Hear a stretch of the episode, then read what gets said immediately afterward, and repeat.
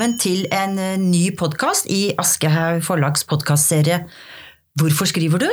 Det er en serie der vi spør våre forfattere, rett og slett, kort og enkelt, hvorfor skriver du? Og da kommer det frem mye morsomt og mye interessant.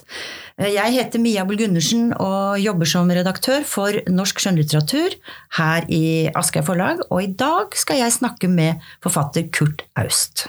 Velkommen, Kurt. Takk for det. Høre stemmen din litt først, fordi at jeg skal si litt ting først for å introdusere deg.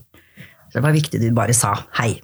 Du debuterte i 1999 med den historiske krimromanen Vredens dag, og du fikk fantastisk flotte anmeldelser for den. Du ble blant annet, eller De sammenlignet boken din med Umberto Ecos Rosens navn, husker jeg, og det var veldig stas, og du fikk Aschehougs debutantstipend. Og siden så har du skrevet åtte bøker i denne serien. Og dette er en eh, historisk krimserie der handlingen foregår i Danmark-Norge tidlig på 1700-tallet. Eh, der møter vi eh, et par som er professor Thomas Aboe Berg og hans assistent Petter Horten, og de løser krimgåter i Danmark-Norge tidlig på 1700-tallet. Du har også skrevet flere romaner i løpet av alle disse årene, jeg kan ikke nevne alle, for du har vært ganske produktiv, men jeg kan nevne et par andre som skiller seg ganske mye fra denne romanserien din, nemlig den romanen du ga ut i 2015 som het Dødt løp, som var en krimroman for, hvor, hvor, det foregår under Tour de France, rett og slett. Og så skrev du i 2018, som ikke er så lenge siden, da utga du en roman om krypskytteri i Kenya, som du skrev sammen med kona di, Kin Wessel. Den het Udyr. Men eh, det er nå kanskje særlig bøkene om Thomas Abo Berg og Petter Horten vi kommer til å snakke om. For det er nok dem du er mest kjent for, tror jeg. Og da vil jeg bare spørre deg Du valgte altså perioden tidlig 1700-talls Tidlig opplysningstid er det vel egentlig. Hva er det ved den perioden som gjorde at du har valgt å skrive en stor krimserie fra akkurat den tiden? Jeg hadde på 90-tallet sendt inn et manuskript, bl.a. til Aschehoug, som jeg fikk refusert med beskjed om at jeg skrev bra, men eh, historien hadde dere hørt før. Og så satte jeg meg ned og, og, tenkte på hva er det jeg liker selv å skrive om, Jeg fant ut at jeg vil koble sammen krimsjangeren og historie, uh, historiske romaner, fordi det var de to tingene jeg leste veldig mye på den tida. Ja. Um, og så satt jeg uh, med deg i hagen og hørte på en um, amerikansk ingeniør som fortalte at han skulle uh, Eller nærmere, han hadde solgt hus og bil og sagt opp jobben, for nå skulle han ta kone og barn med til Jerusalem. Og det var i 1996, og jeg stusset litt over for han skulle det, inntil han kom frem til å fortelle at det var fordi når dommerdag kom ved årtusenskiftet, så skulle han være der i Jerusalem, for det var det eneste riktige stedet å være. Og jeg ble så fascinert over at en eh, rimelig høyt utdannet person fra en rimelig sivilisert land, selv om man noen gang blir i tvil, uh, som USA, at han kunne uh, tenke dommedag på den måten der. Så jeg begynte å, å uh, fundere over tematikken der, og besluttet at det skulle være hva skal man si, uh, ja, temaet for, for, den boken. Og så søkte jeg meg århundreskift for århundreskift bakover for å finne ut av hvilke passer for meg. Og øh, Hvis du tar rundt 1900-tallet eller rundt 1800-tallet, så er det skrevet masse bøker. Det, det var f.eks. Napoleons krigstida og, og øh, Fordi denne mannen fra USA han ville reise for å unngå dommedag i årtusenskiftet, ikke sant? Mot år 2000? Jo, eller nærmere når, når dommedag kom, så ja. måtte man være i Jerusalem. Uh, en eller annen religiøs overbevisning sannsynligvis ja. som lå bak tanken uh, hos ham. Ja. Uh, jeg vet ikke, det kom han ikke så nøye inn på, men jeg går ut fra det. Det var nok det, for det var jo så mye snakk det, det, om det mot år 2000. Ja. Mm. Uh, så, så, jeg endte opp med, med 1699-1700 som det århundreskiftet jeg ville jobbe med. Og det, det var annet også fordi jeg oppdaget mens jeg holdt på å, å lese meg opp på diverse ting, det at akkurat den perioden var veldig lite dekket både av historikere, men også av romanforfattere. Pluss at den hadde de fire store, som jeg kaller dem. Og det er eh, Fredrik den fjerde, mm. som er den første kongen i Danmark-Norge som er født til å være eneveldig konge. Det er Peder Peter Wessel, som senere blir Tordenskjold. Mm. Det er Ludvig Kolberg, og det er Ole Rømer. Er det lov å si at alle disse faktisk dukker opp i denne serien din? Ja, det er veldig lov, fordi det var det som var poenget mitt, nemlig da jeg begynte å tenke Ikke, ikke fordi at jeg egentlig uh, tenkte en serie da jeg skrev den første, men jeg syns at det var interessant da jeg begynte å skrive nummer to. Mm. Og, og, fordi at etter den første så fikk jeg beskjed fra deg og forlaget om at det er ønsket flere ja, med Thomas og Peter Flerbøker. Og da begynte jeg så å lenge, legge en, man si, en langsiktig plan mm. for hvordan uh, en slik serie skulle utvikle seg. Mm. Um, og jeg, jeg, Ja, altså jeg, jeg uh, bestemte meg bl.a. for at Thomas og Petter bok for bok skulle bevege seg rundt i Danmark-Norge. Mm. Og jeg bestemte meg for at de skulle besøke eller komme innom hva skal man si, alle klasselag, eller hva man kaller det, alle yrker. Altså bønder, fiskere, kjøpmenn. Geistlige. Geistlige, absolutt. Uh, og kongen, ikke minst. Ja. Uh, adelige, osv., osv. Mm. Uh, at de i løpet av alle bøkene skulle komme rundt omkring de forskjellige der. Mm. Um, og det gjør de virkelig, altså. Ja, og så hadde jeg jo som du var inne på, eh, en plan om at de underveis så skulle møte alle de der fire store. Mm. På den ene eller annen måte. Noen av dem får veldig innflytelse på livene deres, og, og, og noen er litt mer perifere. Men nei, på, på, en eller annen måte så har de nok alle hva som si, innflytelse på skjebnen til, ja. til for så vidt både Thomas og Petter. Dette skal vi snakke litt mer om, men nå må jeg være litt trofast til det som er intensjonen med podkasten nemlig å spørre deg Du kunne jo gjort noe annet enn å skrive, og du begynte jo relativt sent å skrive. Du hadde gjort mange andre ting før du satte deg ned, og som du sier, fikk refusert manuskriptet mm. ditt i forlaget, da. Mm. Så hvorfor skriver du egentlig? Hvorfor, ja, hvorfor skriver du? Um, du kunne malt? Har, eh, nei. Nei, det kunne du ikke, nei. nei. Uh, jeg har vel mange svar på det, og det er litt avhengig av når i livet mitt jeg tenker på jeg skal svare ut ifra. Altså hvis jeg, Som barn så leste jeg uhorvelig mye. Altså Da jeg oppdaget biblioteket, at det var noe som eksisterte der i bibliotek, hvor man kunne gå og låne så mye man overhodet orket, det var for meg å, oppleve, å, å oppdage paradis. Jeg, jeg slepte jo hjem 10-15-20 bøker per gang. Ja, og du er jo dansk, det, det, skulle jeg sagt helt i starten. Ja, Det tror jeg folk har hørt. Ja, nei, ja, det, ja, det kan godt hende, men burde, jeg burde sagt det, da. Jeg var litt rask i starten. Men du er jo dansk, vokst opp i Danmark, men du har jo da bodd i Norge, i Horten, helt siden 1982. Ja. Da forelsket du deg både i Horten og en kvinne, vet jeg. så det, men da, ja. Nei, ikke så, kvinne. Hun kom, hun til seinere. Ja. Men sånn at det biblioteket du snakker om da, det var da altså i Danmark? Det var i IKAST, ja. IKAST, og det har litt å gjøre med, med det, det, det, der med å skrive og så svare fordi IKAST, altså for, for, nesten å være litt frekk og si det enkelt, så var biblioteket det eneste stedet i byen som hadde noe med kultur å gjøre. Altså, men, man man ble ikke forfatter når man kom fra IKAS. Man Nei. ble ikke musiker, man ble ikke danser, man ble ikke uh, komponist, f.eks. Altså, mm. Man ble ikke sånn noen ting. Det var som om at det var andre steder man, man uh, fikk til sånne noen ting, men ikke i IKAS. Da, hvis man skulle bli noe som skulle få en til å forlate byen, så skulle man bli profesjonell fotballspiller eller et eller annet sånt. Ja. Det, det, det, var sånn det var. Det ble du ikke. Så jeg tenkte Nei, Nei. det, ble jeg ble absolutt ikke. Selv om jeg er veldig glad i å spille fotball, og ja. gjør det fortsatt, så nei. Eh, men, men og derfor, selv om jeg helt fra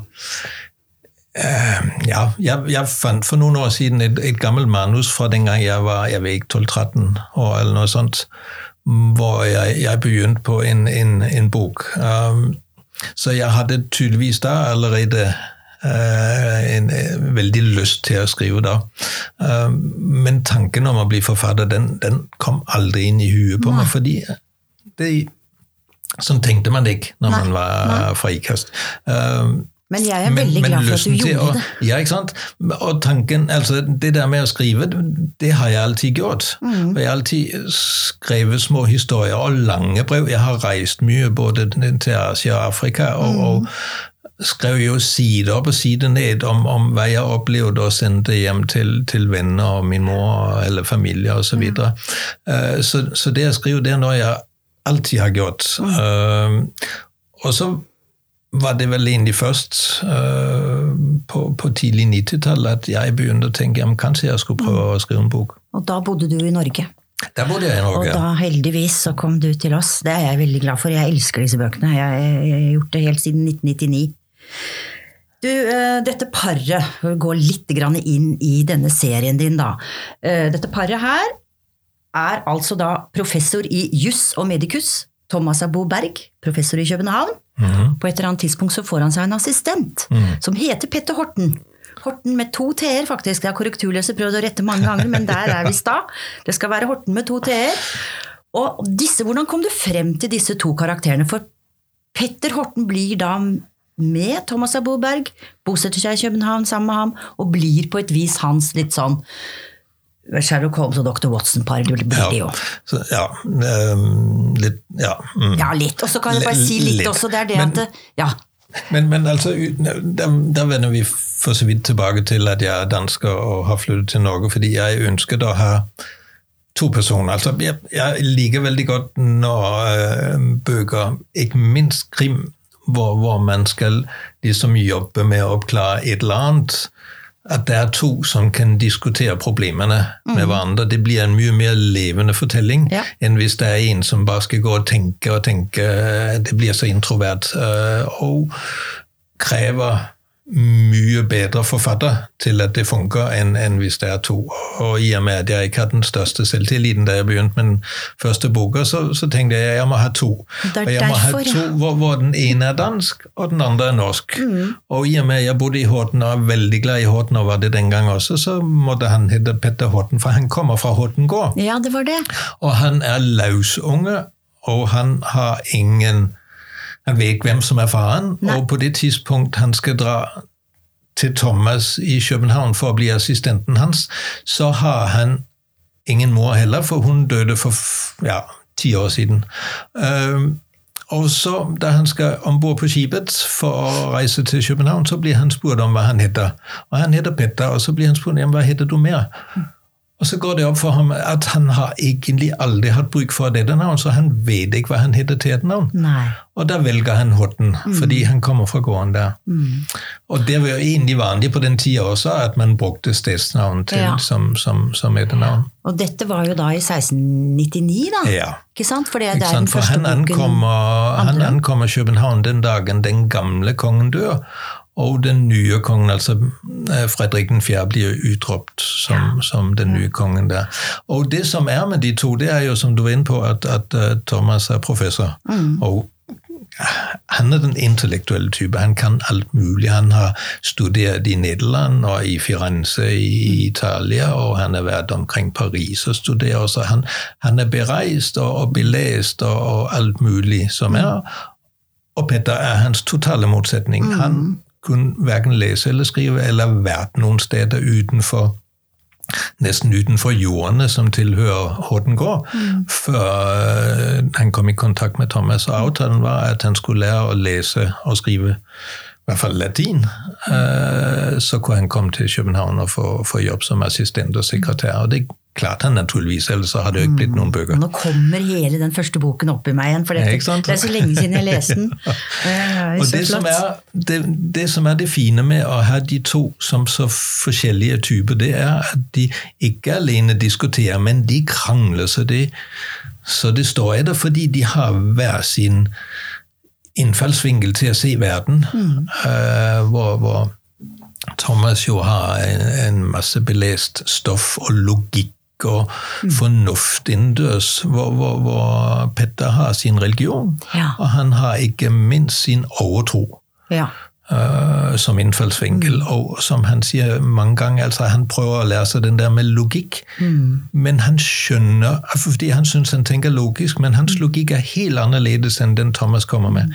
Og det opplever han gang på gang. Og det, det er et grep jeg uh, syns er veldig spennende, fordi at det gir et mye bredere bilde av hvordan eh, verden så ut den gang. Skal vi plassere det litt, så pleier jeg å si når jeg snakker om bøkene dine, at det er tidlig opplysningstid. Ja.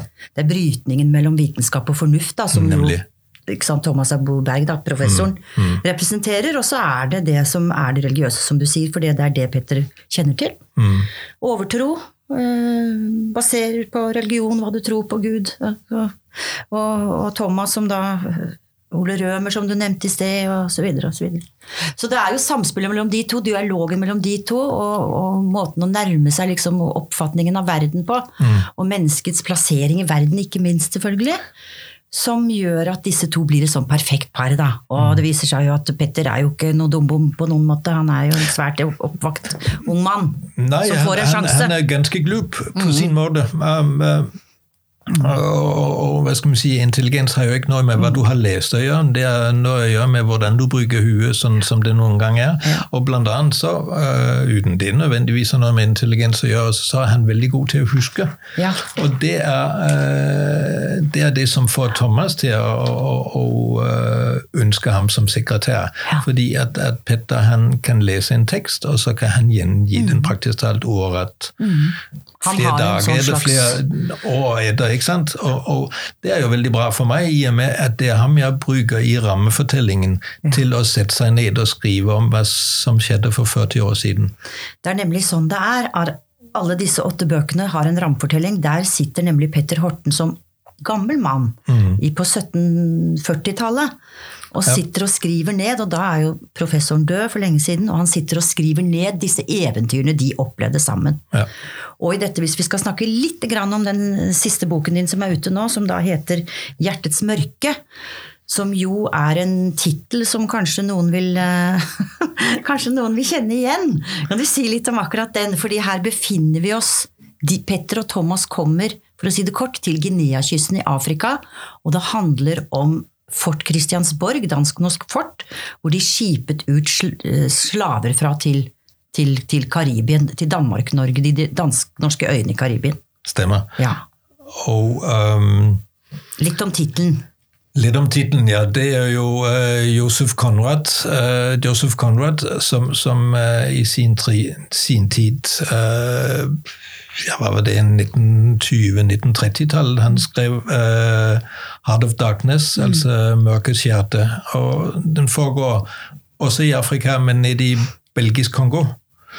Uh, hvor han faktisk også har en, en, en rammeforteller som, som, forteller om sine egne opplevelser tidligere med å reise inn i dypet, inn i mørket, inn i, i hjertet av for så vidt både, både, Afrika og galskap og ondskap mm. osv. Og, og um, I og med at min bok både handler om uh, ondskap og Afrika. Og, øh, så, så, så, og, og, hva skal man si, tittelen i det hele tatt treffer perfekt på, på alle mulige måter. Så tok jeg sjansen på å, å, hva skal man si, lene meg litt mot Joseph Conrad. Ja. Uten sammenligning for øvrig, for han, han, er en Eller hva, han er jo død for mange år siden, men, men eminent forfatter som, som jeg slukte uh, allerede i tenårene. Lord Jim og de der. Det var mm. herlig lesning. Men jeg har bare lov, lyst til å si at fordi at jeg vet at du visste selvfølgelig ikke helt om alle eventyrene Petter og Thomas skulle ut på da du satte deg ned og skrev uh, Vredens dag, som kom inn i 1999. Og senere skrev du da også bokbind nummer tre, som heter Hjemsøk, som du faktisk fikk Ribertonprisen for. Og så fikk du Glassnøkkelen for den også, og det betyr at det var det året de mente dette var den beste skandinaviske krimromanen. Det var jo veldig flott, Kurt. Og, da, og det er klart det ga deg sikkert litt sånn vann på mølla, du fikk lyst til å skrive mer. Mm. Men det du har fortalt meg også, er at du, du har egentlig visst veldig lenge det, hvor, hvor, det, hvor, den siste boken skulle foregå. Du har, du har visst ganske mye, du har planlagt det ganske godt. Ja, altså på det, det, det syns jeg er så fascinerende. Jeg, på det tidspunktet jeg begynte med bok nummer to, fordi at jeg skjønte at jeg ville ha flere, da begynte jeg å tenke serie. Og da begynte jeg å tenke de tingene jeg var inne på med struktur, bok for bok. Eh, bestemte hva de handlingsforløpene skulle være. Hvordan de reiste fra i første bok Sunnhjulland i Danmark opp til Midtjylland eller Nordjylland, og opp til Norge. To bøker i Norge, i en bok i, på Anholt. En liten øy hvordan, i, Ja, ikke sant. Uh, og så en bok i København. Mm. Og da hadde altså og der, der, vender vi tilbake til det med de fire store, fordi at, at, at deres liv styrte hvordan la løypa for Thomas og Petter. Det vil si at um, Nå må jeg bare tenke Høsten to, nei, 1704 måtte de Nei, 1703. Unnskyld. Høsten 1703 da måtte de reise med skip fra Norge til København og møte Ludvig Kolberg. Mm. For da var han på vei ned for å skulle uh, studere i København. Og da blir Petter og Ludvig venner. De er nesten like gamle. Ludvig er et år eller to yngre, men de er nesten like gamle, og dermed starter deres vennskap. Mm. Uh, 17. november 1706 var et helt essensiell dato for meg uh, å få til å, ting til å passe med, fordi da reiser Christianus Quintus, et lasteskip fra København, Eh, med Peter Jansen Wessel som uh, første reisgutt. Og det er han som tidligere blir Tordenskjold, ja. eller senere blir Tordenskjold. ikke sant? Mm. en rabiat av en type. Han er jo absolutt han er ganske rabiat. Litt den type, ja. Og han bruker jeg veldig mye i Stumme skrik, altså mens den boken som foregår i København. fordi ja der er han en, en, der er en ung gutt på en 15 år som, som uh, Thomas og Peter har sine, sin tur med. Han har vel egentlig stukket av fra Trondheim, så vidt jeg husker. han, har det, han, ja, fra, han kan ikke være hjemme lenger. Nei, han vil på kadettskolen. Det ja. var planen hans. Uh, men uh, Thomas lar jeg sørge for at han får hyre på det skipet der. Men så skjer det noen andre ting i, i Stumme skrik-boka der som gjør at samme skipet er Petter og Thomas pluss Petters familie, altså Sara, som er kona, og sønnen Sigmund på tre år, de blir med på skipet fordi Thomas har gjort noe som gjør at, at uh, kongen uh, rett og slett vil, vil uh, ta livet av ham. Han, altså, han, han, han, han, vil dømme ham til døden. Mm. og Derfor må de stikke av, og det blir med samme skip. Og Det er det som kommer til uh, Guinea-kysten i boken etter det igjen, den mm. som vi var inne på nå, uh, 'Hjertesmørket'. Ja. Og det vil si at der er Thomas egentlig på flukt fra kongen, mm. men uh, det mystiske er jo at når han går i land, så går han i land som kongens representant. I alle fall sier han det. Han sier det, ja. ja. Og han har papir på det. Største selvfølge. Ja, ja, ja. For det har nemlig skjedd noe eh, underveis i boka før som gjør mm. at han kan skifte ham mm. på en eller annen måte. der. Så han kommer, går i land og skal undersøke det som skjer i hva skal man si, første kapittel, eller en mm. forhistorie som er i boka, nemlig at et lasteskip, et slaveskip, må vi si, kalle det, for det er bygget om til slaveskip, og er fylt opp og klar til avgang. Uh, fylt opp med mer enn 800 slaver. Det eksploderer. Mm. Det går i luften med et brak, og ingen overlever. Og det, det skjedde altså halvannet år før Thomas og Petter går i land. Har det skjedd i virkeligheten? Det har det. Ja. Altså, jeg, jeg, du baserer jo ganske jeg, mye men, på ting som har skjedd i virkeligheten. Ja, altså det gjør jeg i nesten i alle bøkene. Ja. At jeg veldig ofte griper tak i noe som har hendt, og så flytter jeg litt på det. Eventuelt litt i tid, og eventuelt litt geografisk også, mm. men, men, bruker ofte hendelsene. Og akkurat det skipet der med, med 800 om bord, det eksploderte to måneder før det jeg sendte til, og litt lenger øst på kysten. Og det var et dansk uh, slaveskip, ja. det også. Nei, det er, og boka åpner med det. Det er en knallåpning, for å si det rett ut. Men du, Kurt, vi kunne, jeg kunne sittet og snakket så masse om dette her, og det har vi jo gjort opp gjennom årene òg, for vi har jo jobba sammen lenge. Men, og, jeg, og, nå er det siste boken, og for meg så I er serien. det I denne serien! Ja. I denne serien, Thomas og Petter-serien, som vi kaller det. Bok nummer åtte, siste bok. Og jeg syns det er svært vemodig, for jeg er så begeistret for disse to. Men du kommer helt sikkert til å skrive flere bøker. Men er du også litt lei deg for å ta avskjed med disse to? Ja, altså jeg har jo tatt noen pauser innimellom. Eh, etter bok nummer fire, 'Kongefrykt', så tok jeg en pause på og fire, fire, ja, fire fem år, eller noe sånt. Der, jo, jo, jeg skrev andre ting. Ja, du gjorde jo det. Um, men der merket jeg plutselig at nå hadde jeg behov for å vende tilbake til dem. Mm. At jeg savnet dem. Og jeg hadde jo hele tida si, den der listen over den der føljetongen min, den hadde ja. jeg jo liggende og visste at jeg skulle vende tilbake til den. Og da jeg tok dem opp igjen med, med, med besøket på Anholt, det, den, lille øya, den lille mm. glemte øya ute i, i, mellom Jylland og Sverige. Det var liksom å, å altså, få besøk av gamle venner mm. igjen og, og trives med dem. Og så hadde jeg en pause etter Stormens krig igjen, mm. før skipet med det onde øyet kom ut. Og, og det er det samme igjen. Så jeg kommer til å savne dem nå, det er jeg ikke i tvil om. Samtidig med at jeg merker nå at jeg er litt lettet også, fordi at de bøkene her, de er um, De krever så mye. Mm. Um, og det, det, har jeg egentlig ikke noe imot. Men, men uh, jeg føler nok at jeg er ferdig med å um, å grave meg så voldsomt mm. ned i historisk materiale. Mm. I hvert fall for en stund. Får vi se om det kommer andre historiske ja. romaner seinere. Det krever jo masse research, dette her, som du har gjort. Ja, det, det kunne vi snakket mye om, men vi har ikke mer tid, dessverre. For eh, disse podkastene skal ikke være så lange. Så jeg vil bare si at jeg savner jo Petter og Thomas allerede.